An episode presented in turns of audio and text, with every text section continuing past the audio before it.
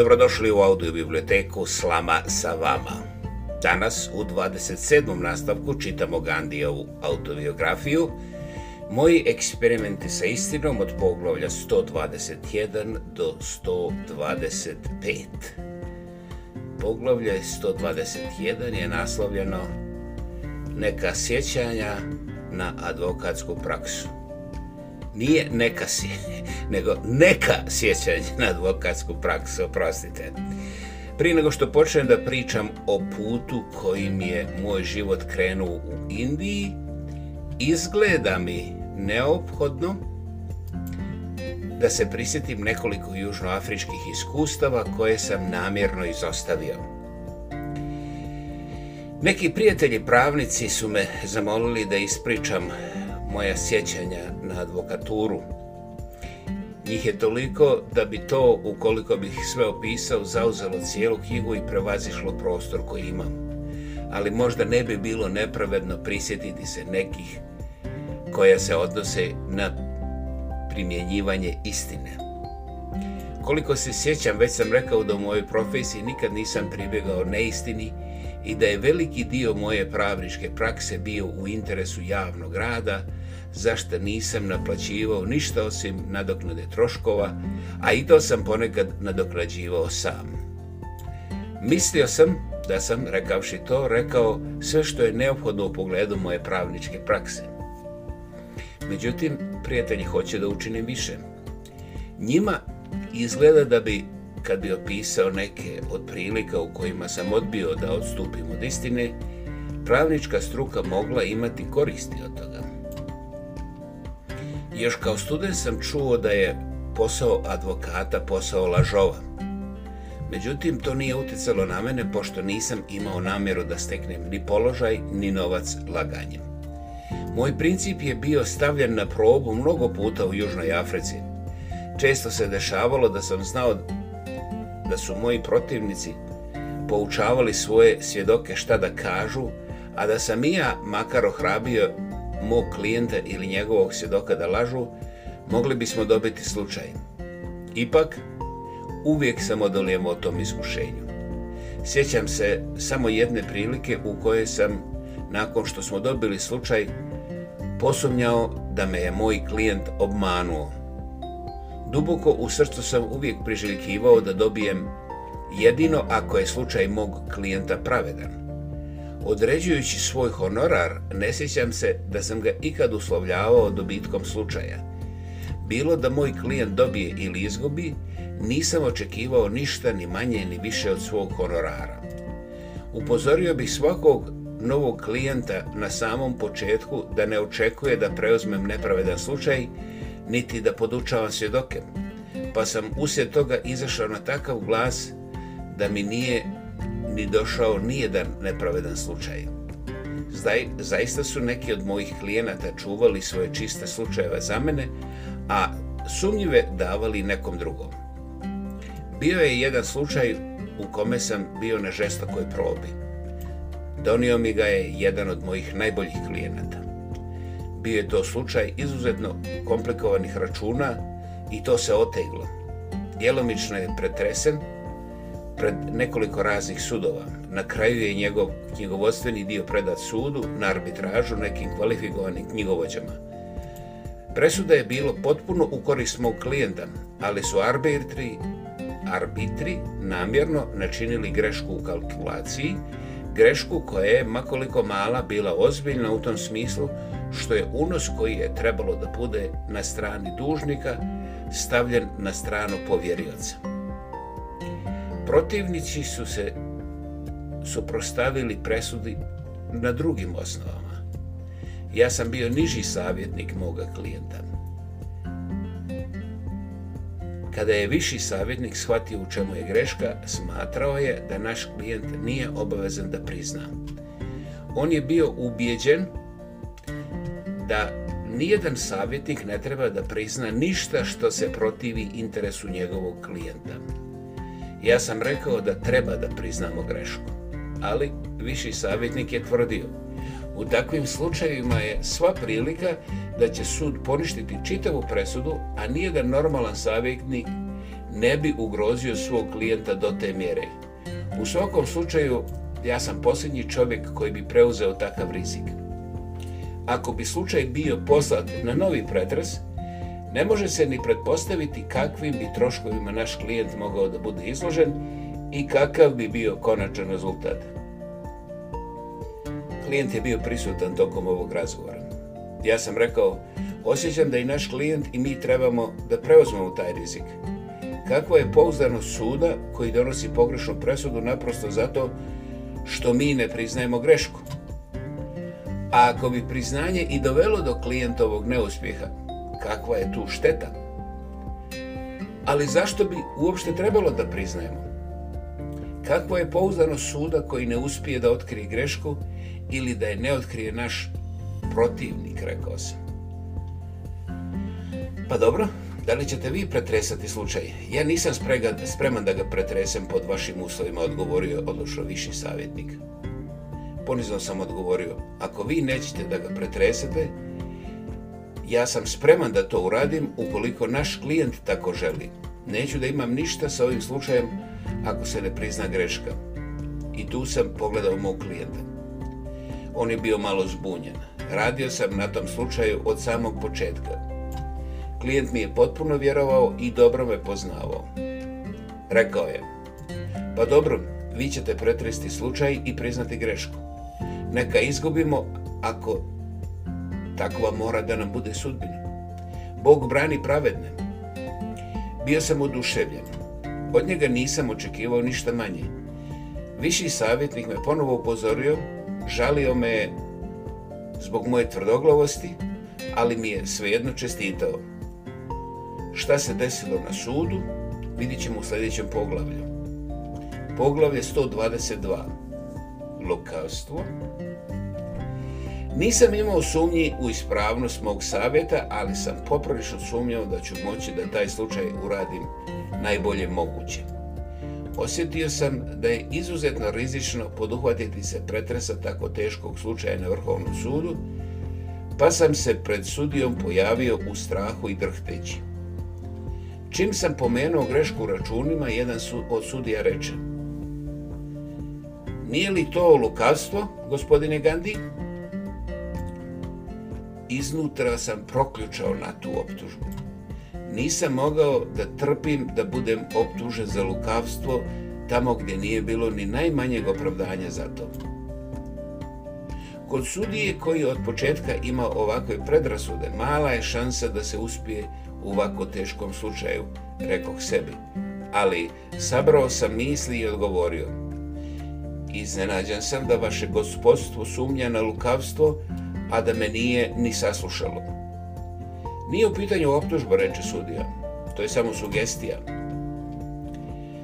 Ta sugestija mi izgleda kao optužba. Molio bih vaše gospodstvo da me sasluša, pa da me onda optužbi, optuži ako ima ikakvog razloga za to.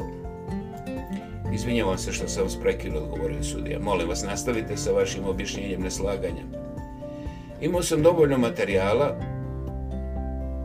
da podrži moje objašnjenje. Zahvaljujući tome što je sudija postavio to pitanje, uspio sam da privučem pažnju suda na, maj, na moj argument od samog početka.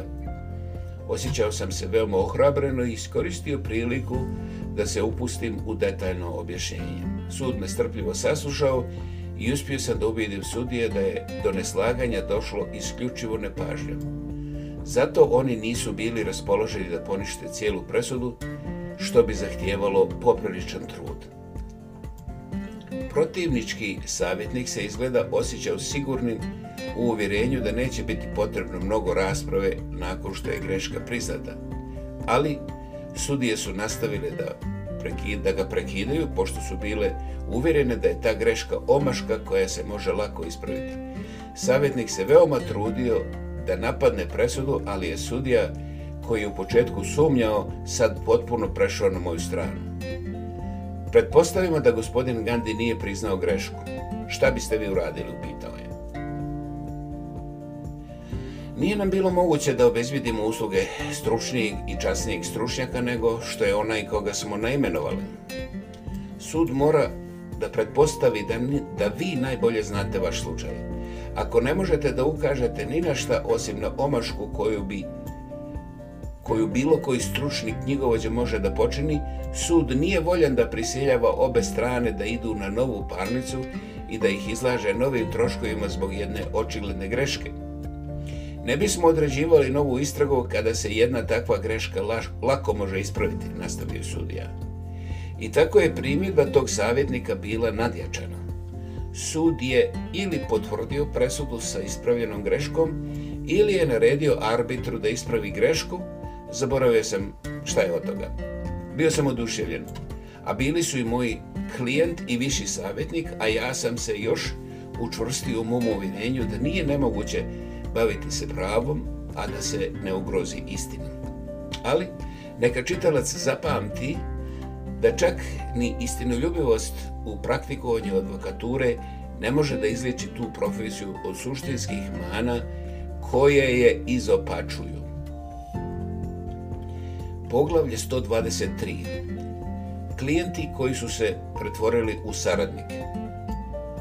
Razlika između pravničke prakse u Natalu i Transvalu bila je u tome što je u Natalu postojala zajednička praksa. Pravnik, kada bi bio primljen u rang advokata, mogao je da radi kao zastupnik, dok su u Transvalu kao i u Bombaju oblasti zastupnika i advokata bile odvojene pravnik je mogao da izabere da li će raditi kao advokat ili kao zastupnik. I tako dok sam bio na talu, bio sam advokat, a u Transvalu sam zatražio dozvolu za zastupnika. Jer kao advokat ne bih mogao da dođem u direktan kontakt sa indicima, a bijeli zastupnici u Južnoj Africi ne bi me angažovali. Ali čak i u Transvalu su, zastapni, za, su zastupnici, su zastupnici zastupnici, oprostite, mogli da se pojavljuju pred sudijama za prekršaje. A u jednoj prilici, dok sam vodio slučaj pred jednim sudijom za prekršaje u Johannesburgu, otkrio sam da me je moj klijent obmanuo. Vidio sam kako se potpuno slobio na klupi za svjedoki. I tako sam bez ikakve rasprave zatražio od sudije da obustavi postupak. Protivniko, savjetnik je bio zapanjen, a sudija je bio zadovoljan. Izgrdio sam klijenta što mi je donio nepravedan slučaj. Znao je da ja ne primam lažne slučajeve, a kad sam mu to objasnio, priznao je grešku, a imam utisak i da nije bio ljut na mene, što sam tražio od sudije da odluči protiv njega. U svakom slučaju moje ponašanje u tom slučaju nije loše uticalo na moju praksu. Naprotiv, učinilo mi je rad lakšim. Isto tako sam vidio da je moja posvećenost istini poboljšala moju reputaciju među članovima moje profesije, pa bih, uprkos hendikepu zbog boje kože u nekim slučajevima, uspjevao čak i da zadobijem njihovu simpatiju. Tokom mog profesionalnog rada sam bio navikao da nikad ne krijem svoje neznanje od mojih klijenata i kolega. Kada god bih osjetio da ne znam šta da radim, savjetovao bih mom klijentu da se obrati nekom drugom savjetniku ili ako je više volio da se drži mene, zamolio bih ga da mi dopusti da potražim savjet višeg savjetnika. Ta iskrenost mi je donijela nesumnjivu naklonost i povjerenje mojih klijenata. Uvijek su bili voljni da plate honorar kad god bi konsultacija sa višim savjetnikom bila neophodna. Ta naklonost i povjerenje koristili su mi u mom javnom radu. Ukazao sam u prethodnim poglavljima da je cilj moje prakse u Južnoj Africi bilo služenje zajednici. I zato je bilo neophodno zadobiti povjerenje ljudi. Indici širokog srca preuveličavali su profesionalni rad obavljan za novac i nazivali ga služenjem, pa kad bih ih posavjetao da izdrže teškoće zatvora, zarad svojih prava, mnogi od njih su radosno prihvatali taj savjet, ne toliko zato što sam uspjevao da objasnim da je to ispravan način, koliko zbog njihovog povjerenja u mene i njihove ljubavi prema meni. Dok ovo pišem, usjećanje mi naviru mnoge slatke uspomene. Stotine mojih klijenata post, postali su mi prijatelji i pravi saradnici u javnom radu, a njihovo društvo učinilo mi je slađim život koji je inače bio pun teškoća i opasnosti. Poglavlje 124. Kako je spasen jedan klijent. Čitaocu je do sad već postalo prilično poznato ime Parsija Rustomđija. On je bio jedan od onih koji su postali istovremeno moji klijenti i saradnici. Ili bi možda točnije bilo reći da mi je prvo postao saradnik, pa onda klijent. Zadobio sam njegovo povjerenje u toj mjeri da je tražio i slušao moje savjete i u privatnim domaćim stvarima. Čak i kad je bio bolestan, pitao bi me za savjet, pa iako su se načini na koje smo živjeli doista razlikovali, on nije oklevao da prihvati moje nadriljekarske savjete. Taj prijatelj jednom upao u vrlo gadar škripac. Iako me je obaveštavao o svim svojim poslovima, jednu stvar je namjerno prećutkivao. On je bio veliki uvoznik robe iz Bombaja i Kalkute, pa je nerijetko pribjegavao krijumčarenju. čarenju ali pošto je sa carinskim službenicima bio u najboljim mogućim odnosima, niko nije pomišljao da posumnja u njega. Prilikom naplate carine uzimali su njegove fakture na povjerenje. Neki su čak žmirili na krijumčarenje. Ali da se posluži metaforom gunđaratskog pjesnika Akoa. Ni lopovluk kao ni živa ne može se zadržati i da ne procuri, pa se pokazalo da ni Parsi Rustomđi nije izuzetak. Taj dobri prijatelj mi je dotrčao suzama koje su mu tekle iz obraze dok je govorio Baji, obmanuo sam te. Moja krivica je danas otkrivena. Krijumčario sam i sad sam propao. Moram da idem u zatvor i bit ću propašćen. Jedino me ti možeš spasiti od tog jada. Ništa drugo nisam krio od tebe, ali sam mislio da ne treba da te gnjavim sa varanjem u trgovini, pa ti nikad nisam rekao ni za krijumčarenje, ali sada se strašno kajem zbog toga. Umirio sam ga i rekao da te izbavi ili da te ne izbavi, to je u njegovim rukama. Što se mene tiče, poznaješ me. Mogu da pokušam da te spasim jedino pomoću priznanja. Dobri Parsi se na smrt prestrašio. Ali zar nije dovoljno moje priznanje tebi, upitao je. Nisi obmanuo mene, već vlast. Kako ti može koristiti priznanje predavnom, odgovorio sam blago. Naravno da ću raditi kako kažeš, ali zar se nećeš posavjetovati sa mojim starim savjetnikom, gospodinom? On nam je također prijatelj, rekao je Parsi Rustomčin. Istraga je pokazala da se krijumčarenje odvijalo tokom dugog perioda, ali se prekršaj koji je otkriven odnosio na beznačajnu zum, sumu. Pošli smo njegovom savjetniku, a on je pogledao dokument i rekao slučaj će biti predat sudu, a porota u Natalu je posljednja koja bi oslobodila jednog indijica. Ali ja neću prestati da se nadam. Tog savjetnika ja nisam dobro poznavao. Parsi Rustomđe ga je prekinuo. Hvala ti, ali mene bi u ovom slučaju trebalo da vodi savjet gospodina Gandija. On me dobro poznaje. Naravno, ti ćeš ga posavjetovati kad god je to neophodno. I pošto smo tako odbacili savjetnikov prijedlog, pošli smo u trgovinu Parsija Rustomđeja.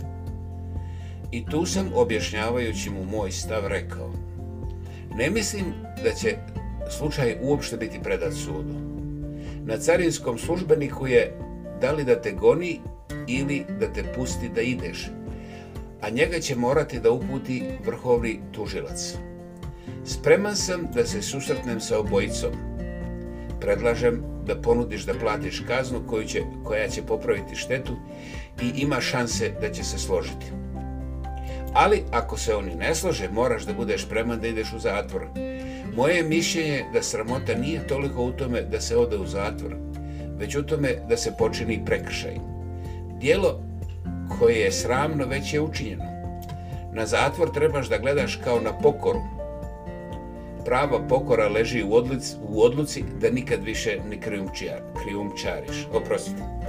Ne mogu da kažem da je Parsi Rustomđi podnio sve ovo baš dobro on je bio hrabar čovjek, ali ga je hrabrost na trenutak napustila.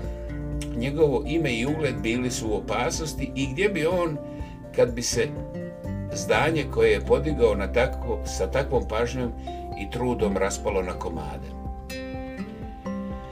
Pa rekao sam ti, kazao je da sam potpuno u tvojim rukama. Možeš da uradiš kako god hoćeš odabrao sam da u ovom slučaju upotrebim svu svoju moć ubjeđivanja. Sastao sam se sa carinskim službenikom i bez straha mu ispričao o cijelom slučaju. Obećao sam također da ću mu staviti sve knjige na raspolaganje i rekao mu koliko se pokajnički osjeća Parsi Rustomđi. Carinski službenik je rekao, sviđa mi se stari Parsi. Žao mi je što je napravio budalo od sebe vi znate šta je moja dužnost. Moram da se ravnam prema vrhovnom tužiocu, pa bih vam savjetao da primjenite su svoju moć ubjeđivanja na njega. Biću vam zahvalan, rekao ja, ako ne budete insistirali da on ide na sud. Pošto mi on to obećao, započeo sam prepisku sa vrhovnim tužiocom, a i sastao se sa njim. Drago mi je što mogu da kažem da da mu se svidjela moja potpuna iskrenost i bio je ubeđen da nisam prikrio ništa. Zaboravio sam sada da li je tužiocu u vezi s tim ili sa nekim drugim slučajem moja istrajnost i iskrenost izmamila opasku. Vidim da nikad nećete prihvatiti neka odgovor. I tako je slučaj Parsija Rustomđija riješen sporozumno. Morao je da plati kaznu dvostruko veću od sume za koju je priznao da je prokrijumčario. Rustomđi je sve činjenice ovog slučaja stavio na papir, uramio taj papir i okon okačio ga u svojoj kancelariji kako bi služio kao stalni podsjetnik njegovim nasljednicima i kolegama trgovcima. A ti prijatelji su me upozorili da se ne dam prevariti tom privremenom skrušenošću. Kada sam Rustomđiju rekao za to upozorenje, odgovorio je Kakva bi bila moja sudbina da sam te obmaruo? Poglavlje 125. Prvo iskustvo. Prije nego što sam stigao kući, grupa koja je krenula iz Feniksa već je pristigla.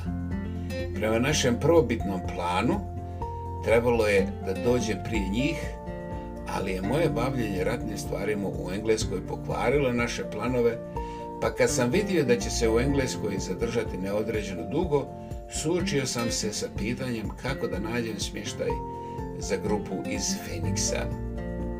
Htio sam da svi one ostanu zajedno u Indiji ili da se, ako je moguće, žive životom kakav su vodili u Feniksu. Nisam znao da nijedan ashram gdje bih im preporučio da odem, da odu, pardon, pa sam zato telefonirao da se nađu sa gospodinom Andrewsom da učine po njegovom savjetu. I tako, sam, i, i tako su isprava bili smješteni u Gurukul Kangari, gdje je pokojni s vami Šaradananđi prema njima postupao kao prema svojoj djeci. A Gurukul Kangari ruku ozbiljna, provjerit ćemo, provjerit ćemo.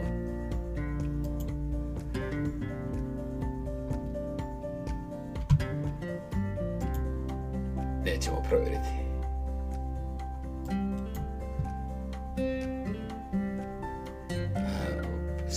malo imamo tehničkih nevolja.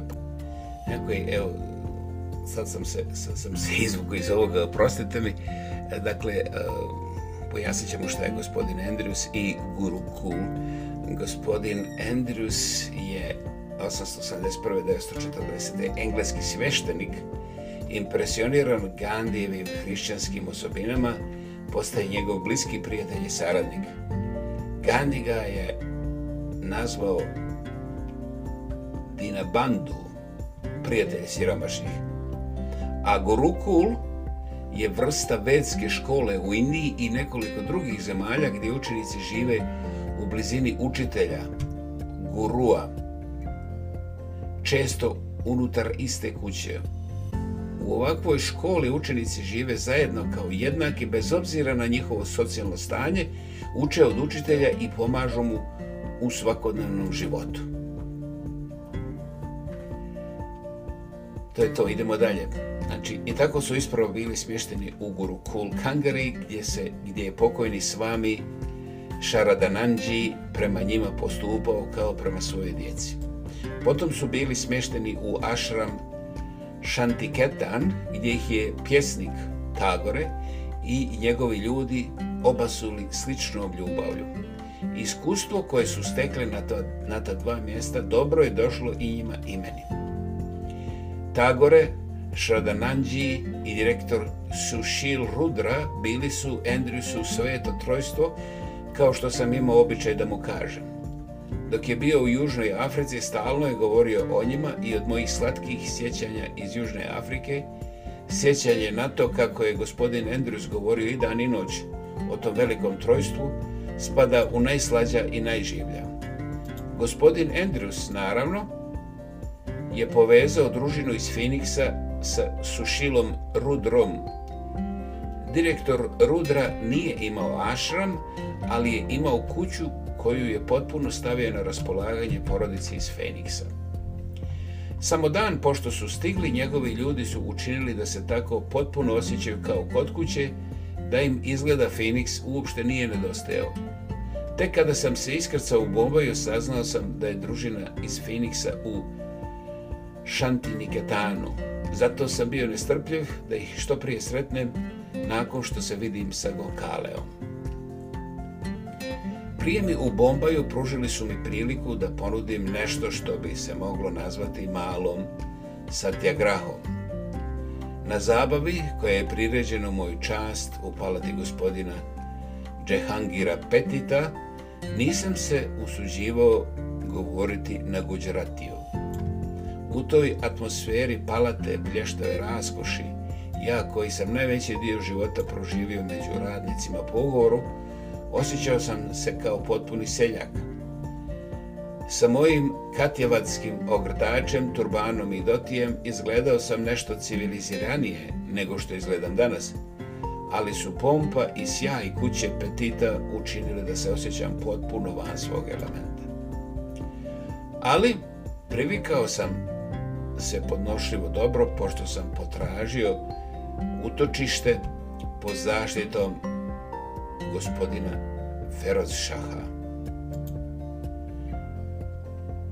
Potom je bio guđeratski prijem. Guđerati nisu tijeli da me pustim da idem bez prijema koji je organizovao pokojni Utamlal Trivedi. Upoznao sam se sa programom unaprijed bio je prisutan i gospodin Džinah, pošto je bio Guđarati, a zaboravio sam da li kao predsjednik ili kao govornik. Održao je kratak i sladak govor na engleskom. Koliko se sjećam, većina ostalih govora također su bili na engleskom. Kad je došao red na mene, zahvalio sam se na Guđaratiju, objasnivši moju pristrasnost prema Guđaratiju i i Hindustaniju i izloživši moj skromni protest protiv korištenja engleskog na skupu Guđaratija. To sam učinio ne bez izvjesnog oklijevanja, jer sam se plašio da bi se moglo smatrati neuljudnim da čovjek bez iskustva, vrativši se kući poslije dugo vremena, ulaže svoj protest protiv jedne ustaljene prakse.